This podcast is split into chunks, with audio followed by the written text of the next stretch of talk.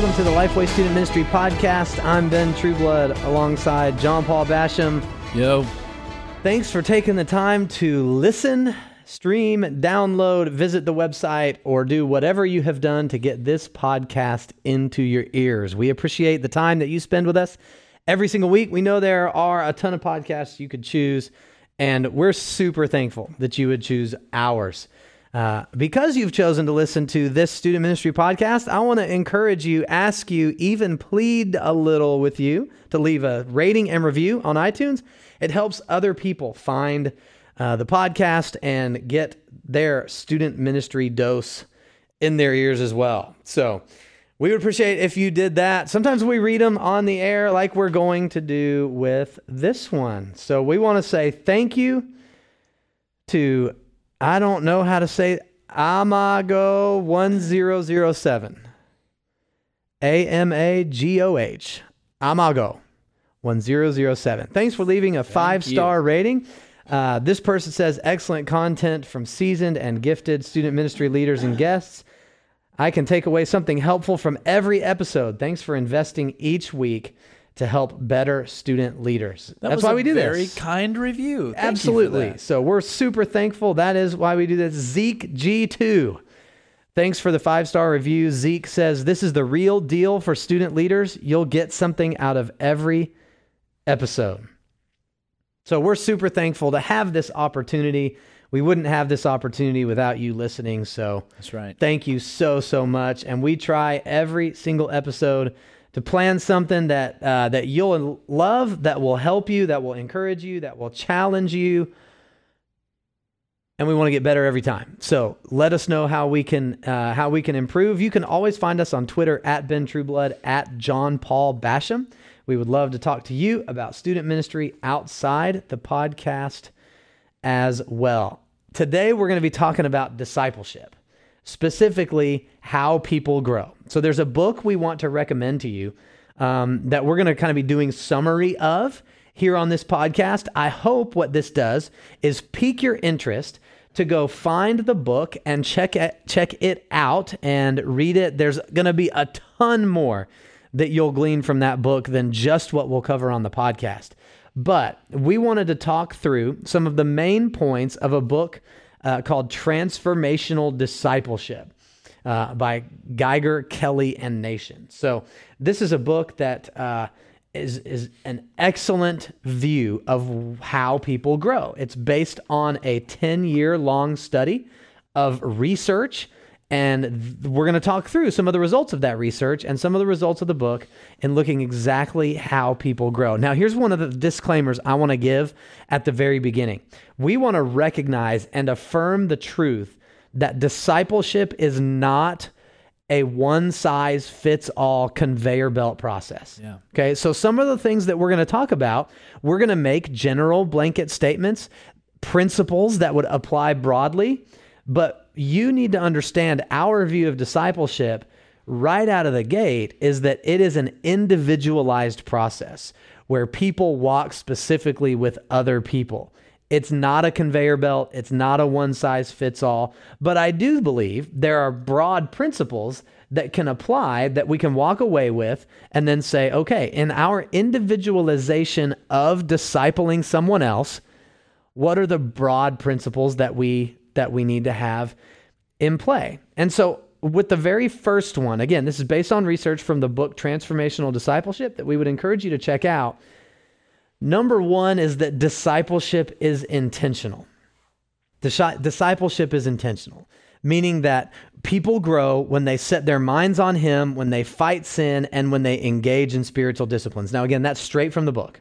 right? People grow when they set their minds on Him, they fight sin, and when they engage in spiritual disciplines. So it, here's another way I would say this people don't accidentally become disciples, people don't passively become disciples.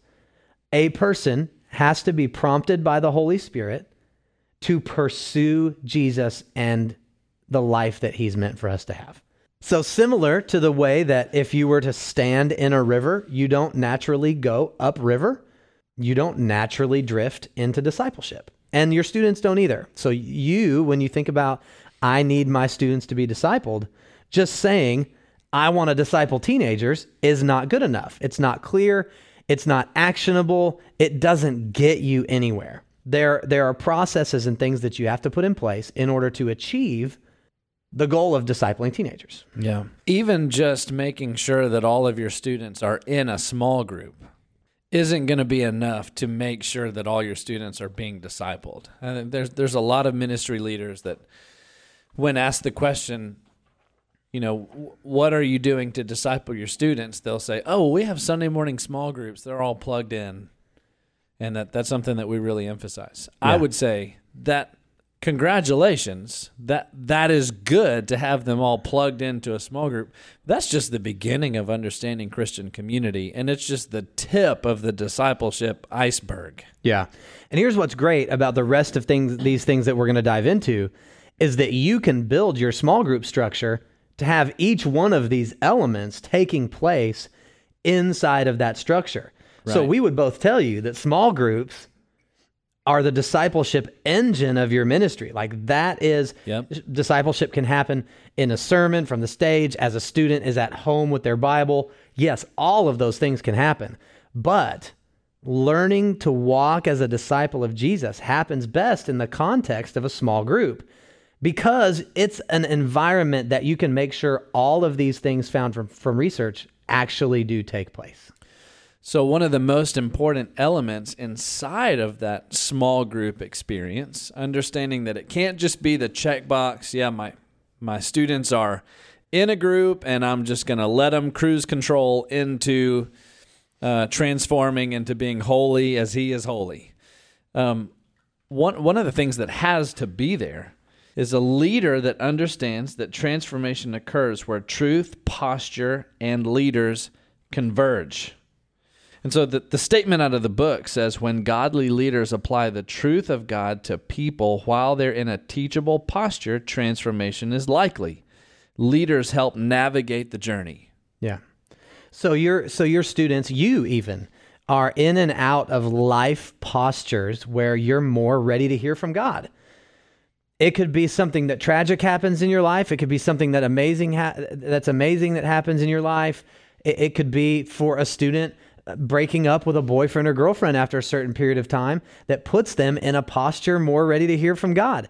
It your you and your students come in and out of these postures all the time.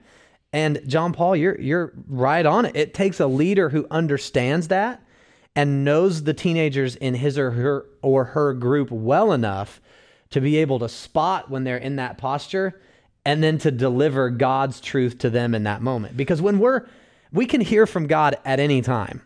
But when something happens, we're it puts us in a place where we're more likely when when it's not just a regular Tuesday and there are other forces, other considerations outside of our normal life. That's when the moments that, that are there and yeah. we're ripe to hear from God in a, in, in a different way. And that's something that you're going to have to train your leaders to see and know how to act on right? There's i think a lot of times when there's tragedy in a in a student's life a leader can sometimes be intimidated not really knowing how to engage you know how should i speak to this? Do i reach out? Do i not? Or the worst case scenario is the leader's not even connected enough to know what's going on in the student's life. That's right. And so teaching the leader to be engaged at a level and and making sure that you have a leader that cares enough uh, to really know what's going on in the life of the student and then how to look for those opportunities to speak in is key to this discipleship puzzle. Yeah. And you mentioned the third one uh, that research found as a part of this, and that's when tragedies happen in people's lives, it puts them in a posture to grow. They serve as catalytic moments for growth. And, you know, we we live in a fallen world. And because we live in a fallen world, there are tragedies all around us. Yeah. You know, as we're recording this podcast, it is uh, pretty soon after the school shooting in Florida that that saw 17 teenagers yeah. killed. That's a tragedy in our world. And it's and it's sin filled and it's wrong and it's heartbreaking. At the same time, there is still God. Mm-hmm. And teenagers are going to have questions. Adults are going to have questions Right. about how those things can happen. And it's in those moments when we're careful listeners before we're talkers.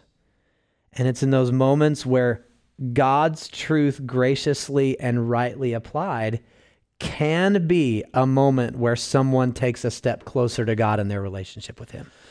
And I think it's important to really coach well here because I think some people uh, may say, "Oh, well, this just kind of sounds manipulative. Like we're we're waiting on this tragic moment to launch in there and say, "Oh, but but Jesus," you know." And, and this is not a a race necessarily to convert students at, at any cost, like a salesperson waiting for the right moment to Yeah. jump into the That's right. conversation. That's not what this is.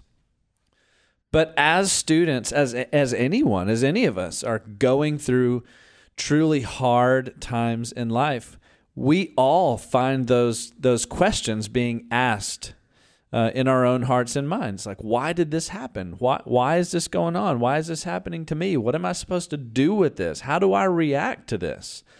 And it's then that we want to be able to lead people to the truth of Christ because that will provide not only answers, it won't only provide a, a path for them to grow closer, closer to the Lord, but it provides peace that only the Word of God can provide for that person in the midst of that hardship. Yeah, that's right. And I think your caution is so needed because the last thing that we want to do as Christian leaders and as people who influence other people, leaders of small groups of students, is to is to say right away, well, you know, God works all things together. You know, your your family member that just died from cancer. You know, God's going to work. Come on, like we believe the truth, right? Like Yeah. w- we believe that passage but l- listening and being sensitive to the guiding of the Holy Spirit will tell you when to apply the truth to someone's heart and when to listen and when to just hug and when to just sit with someone who is hurting. Mm-hmm. Because it's oftentimes in this moment when someone's in that posture that just being with them as the body of Christ is just as powerful as the moment when God opens a door for you to deliver that truth. It's it's the unity that we experience as as part of the body. And I think far too often we do see it as the salesman moment and and maybe not with the goal of being the salesman but to try to help. You know? Like Yeah. there's a righteous motivation there. I want to try to help. I want to give this passage. I want to speak this truth, but be sensitive to the Holy Spirit in that and know, especially in times of tragedy, know when to listen and when to speak. Yeah. The fourth one on the list is that reading the Bible matters more than anything else. Every research project we've conducted leads us to this conclusion it is the biggest predictor of spiritual growth. Yeah. And that's probably not surprising No. to you as a listener at all. That reading the Bible is the biggest predictor of someone growing in their faith. But I think it is sometimes a temptation for age graded ministries that are looking for how are we real you know what's going to be the hook to get students in here? How am i going to get more students in the door? How do i how do i make this more compelling to be in this ministry than the one down the road? And i think sometimes it's easy for us to drift away from that central conviction that Yeah. reading the word has to be the foundation of everything that we do. Yeah, uh, even to the point of in your groups, yeah, we you know we we want you to talk about God's word, and we've we've given you some scripture, but you know don't dive too deeply because we don't want them to get bored, or we don't want if they get bored they won't come back, or don't dive too deeply in this because they can't grasp the concepts yet.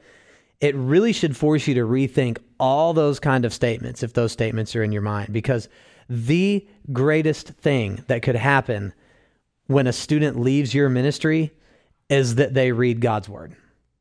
If that has been accomplished, if they have a consistent, ongoing time in God's word, that is what success looks like because that's something that they're going to take from your ministry. All the fun, all the glitz, all the bells and whistles that added to that experience, they won't find that in college. Yeah. But what they can find is their Bible. yep. So the fifth one goes exactly into what we've been talking about over and over and over is that that groups matter a lot. Because you can have all of these same things function in a group. So Ben, why are groups so important? Why why is why would you say a group is more important than a sermon? Well, because in a sermon, all of your students can't individually talk with a leader who has been living with Jesus longer than they have to download questions and concerns and thoughts that they have about the message. Yes, Jesus can speak through your sermon, and he does all the time. I hope prayerfully that hopefully he does that, and people are saved and people take steps in their relationship with Jesus. But that moment of discussion where, again, a leader knows a person and is able to speak to them about where they are in their lives and ask questions, it also allows peer to peer growth together. It teaches your students at a young age what it means to be believers that are next to other believers that are in the buzzword in community. Yeah. But that's really that's really what it teaches. Yep. So the next one, generosity is a result of and contributor to maturity.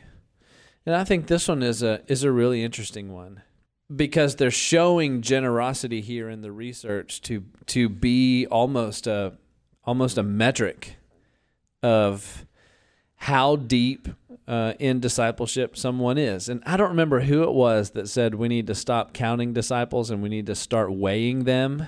I think that's a that's a Robbie Gallaty. He, Is it a Robbie? he may have uh, he may have got it from somewhere else, but I, I've heard him say it. So a lot of times you wonder how do you weigh a disciple, and some of it is just being able to look at the people in your ministry and see uh, what is the fruit of their life. What are they compelled to do now, maybe that they weren't compelled to do before? And in student ministry, it's not like I don't know. Maybe some student ministries do have a tithing record of their students. Um, I never did. But generosity in students is going to look a little bit different. Yeah. How do they want to spend their time? Um, how how are they interacting with their friends in a different way than they were before? How excited about missions are they? Um, you know, generosity will often look like service and compassion for the people around them in student ministry, and that is a real measure of where they are in their walk. Yeah, and I think the same thing can be said for adults and for your the leaders that you have in your ministry. So if you're wanting leaders who make disciples, then obviously you're going to want to look for these things in the leaders that you're putting in charge of groups. Like you want them to be reading the Bible consistently because that's what matters most in the formation of a disciple. If you don't have leaders who are on this process of transformation and becoming disciples more and more, then they're not going to make disciples themselves. At some point, they're going to reach that lid. And because they're not growing, they're not going to be able to have people under them that are growing. And so, I, I with generosity, man, tithing, tithing should be the baseline of that, Yeah. right? And then, what are the other visible things that is a person that is being generous as somebody that you put in leadership in your in your student ministry. So one thing that you and I have both done in putting together leader covenants for people that wanted to come come on board and serve as small group leaders in our ministries is that we had a requirement that they sign their name to, and this was in a list of requirements, uh, but kind of one of the standards was that a leader tithes if they want to be a teacher of a small group that they were actively tithing to our church how important do you think that is as a qualifier for small group ministry I think it's uh, uh, should be a hundred percent qualifier. I, it's an number one. It's an obedience issue, yeah right? If you're going to be a part of a church and you're going to identify with the body, then I I think you need to be a giver at the baseline. yeah Um, it would be the same thing as like I- I think student ministry leaders should be in worship at the church. right You know, like just coming and teaching and then going home doesn't cut it because they're not s- submitting themselves under the pastoral leadership of the church and they're not buying into the full direction. And a lot of times, man, that tithe, yes, it's an obedience issue, but it also it can be a checkbox, which is why I think generosity goes beyond that. But a tithe oftentimes shows whether a person supports the vision and mission of the church. Yeah. Now, you'll have believers who are super strong that don't support, but tithe because it's obedience. Yeah. And and that's okay too, right? But I, man, I, th- I think it should be a hundred percent qualification for people to be able to serve, Yeah, I totally agree. to lead a small group. You can have stages of people in your ministry, like your dude that comes and runs the grill for your uh, tailgate party or event that you do. Man, that might be a newer believer that's an adult that's wanting to be involved, or longtime believer that's just now starting to get the idea of serving. And they might be in a different place in their own discipleship journey. And that's a place that they can serve. But leading over a group and charged with discipleship of a group of teenagers, I think you got to have a, a solid line right there. Yeah, it's just another place for it, it- you're trusting that person to be the example for the students around the table. Yeah.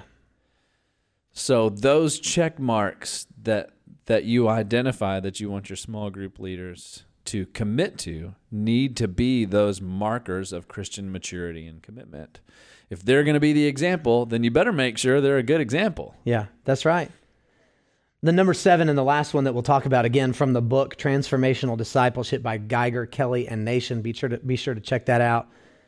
It's a couple years old, man. Solid, solid book on this stuff. So the seventh one, there is a deep connection between discipleship and mission. Again, this is how people grow.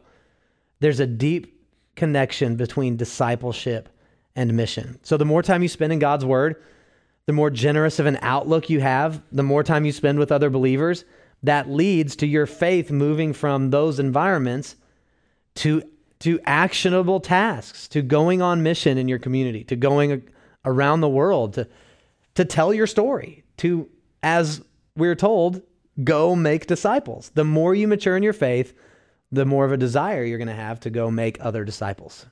Yeah, and this is just a it's like we talked about with the last one. It, it's such a great way to measure or weigh the progress of your of your students. And what's what's really cool is to be able to track. I don't know. For a little while, we had a, a requirement that before a student could go on an international trip, they had to go first to some uh, local service projects that we would do in the community, and that was a prerequisite to a domestic trip. And then once they had gone through those and all of the training that came with those, then they could apply to go on an international trip. And so often you can see the way a student progresses in their faith journey as they walk through all the training and they walk through all the service opportunities and through all the domestic mission trips. It's it's such a strong training ground and by the time they're ready to apply for that international trip, you often have a very different student applying for that international trip than you did for you know cutting the widow's grass down the street from the church. Yeah. And it's a fun, like that's a fun transformation to watch. Yeah. So we want to end this podcast with this one uh, last quote from C.S. Lewis. The church exists for nothing else but to draw men into Christ, to make them little Christs. If they are not doing that, all the cathedrals, clergy, missions, sermons are simply a waste of time. Strong words from C.S. Lewis. Yeah. Draw men to Jesus, disciple them, help see them grow. Hopefully, these seven things will be tools for you. Check out the book, Transformational Discipleship. It will help you a lot, and we will see you next time on the Lifeway Student Ministry Podcast.